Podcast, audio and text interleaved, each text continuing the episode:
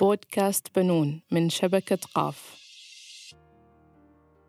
هل تجاوب على كل سؤال يسأله طفلك ولا تتركه يفكر في الإجابة؟ ولدي أحمد مرة سألني إيش بيصير لو كانت الديناصورات تعيش معانا الحين؟ فجاوبته أنت إيش تتوقع ممكن يصير؟ وبدأ يفكر ويتخيل ويوصف وضع البشر مع الديناصورات من خلال معرفته البسيطة عن الديناصورات هذا ما يسمى بالتفكير النقدي والتحليلي. حلقتنا اليوم بعنوان كيف تربي طفلك على التفكير النقدي والتحليلي. معكم سمية الكندي أم لطفلين شاركوني الكثير من القصص والتجارب وأشعلوا شغفي في مجال الأمومة. هدفي الأسمى تنشئة وتربية أبناء مسؤولين وإيصال رسائل توعوية للمجتمع. بودكاست بنون رحلة مع تجارب وقصص واقعية بطرق عملية وسهلة. نتشارك المعارف لبناء جيل أكثر مسؤولية وعطاء لمستقبل أفضل للبشرية.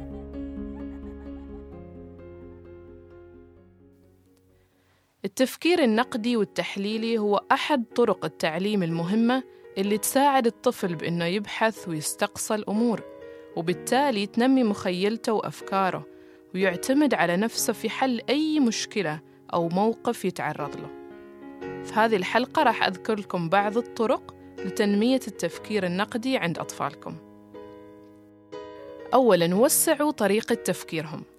ساعدوهم على مشاركة رأيهم معكم ومع أصدقائهم. حفزوهم على بناء رأيهم الخاص.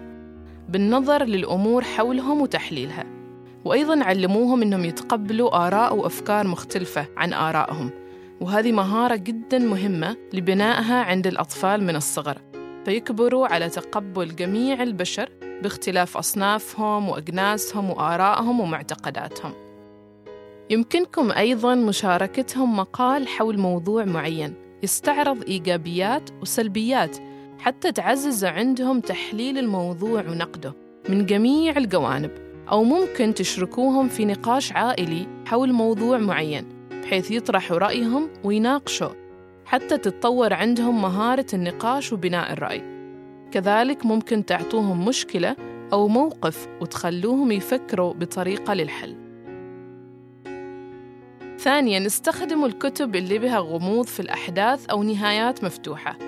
القصص اللي فيها غموض في أحداثها تترك الطفل يفكر ويحلل إيش صار وإيش بيصير بعدين وبالتالي يخمن الأحداث القادمة من القصة.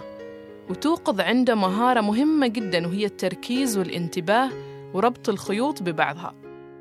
وتوجد الكثير من قصص الأطفال والناشئة والسلاسل القصصية اللي تعزز هذه المهارات منها سلسلة هاري بوتر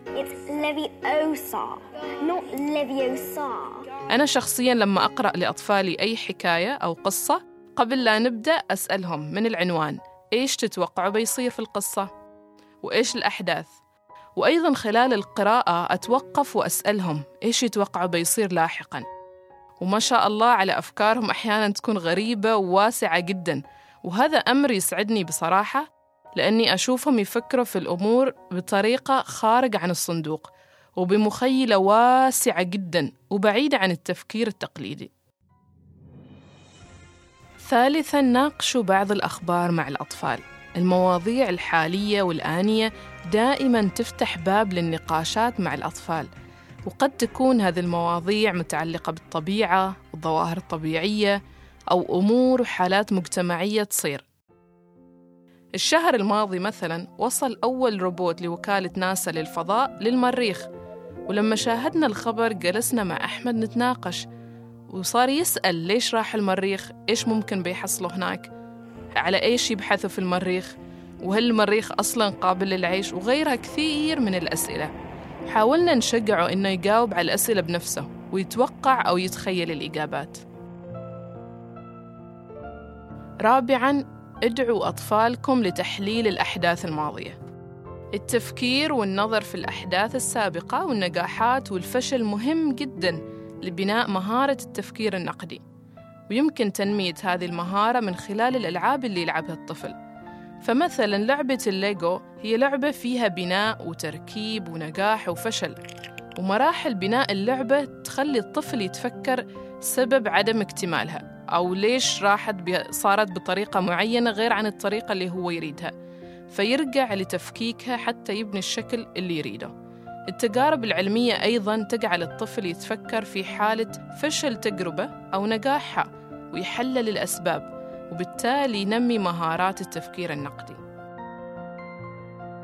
خامساً ساعدوا أطفالكم على وضع الخطط.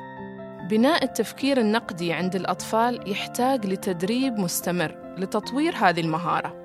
وأنصح جميع المربين بعدم تقديم الأفكار والحلول لأبنائهم ولكن دربوهم على إيجاد حلول للمشاكل وعلى وضع خطط ليومهم وعلى محاولة حل الواجبات والمسائل بأنفسهم.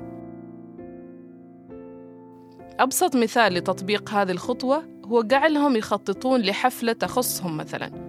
ويخططون لها بأنفسهم ومتأكدة أنكم سوف تنبهرون بالنتائج.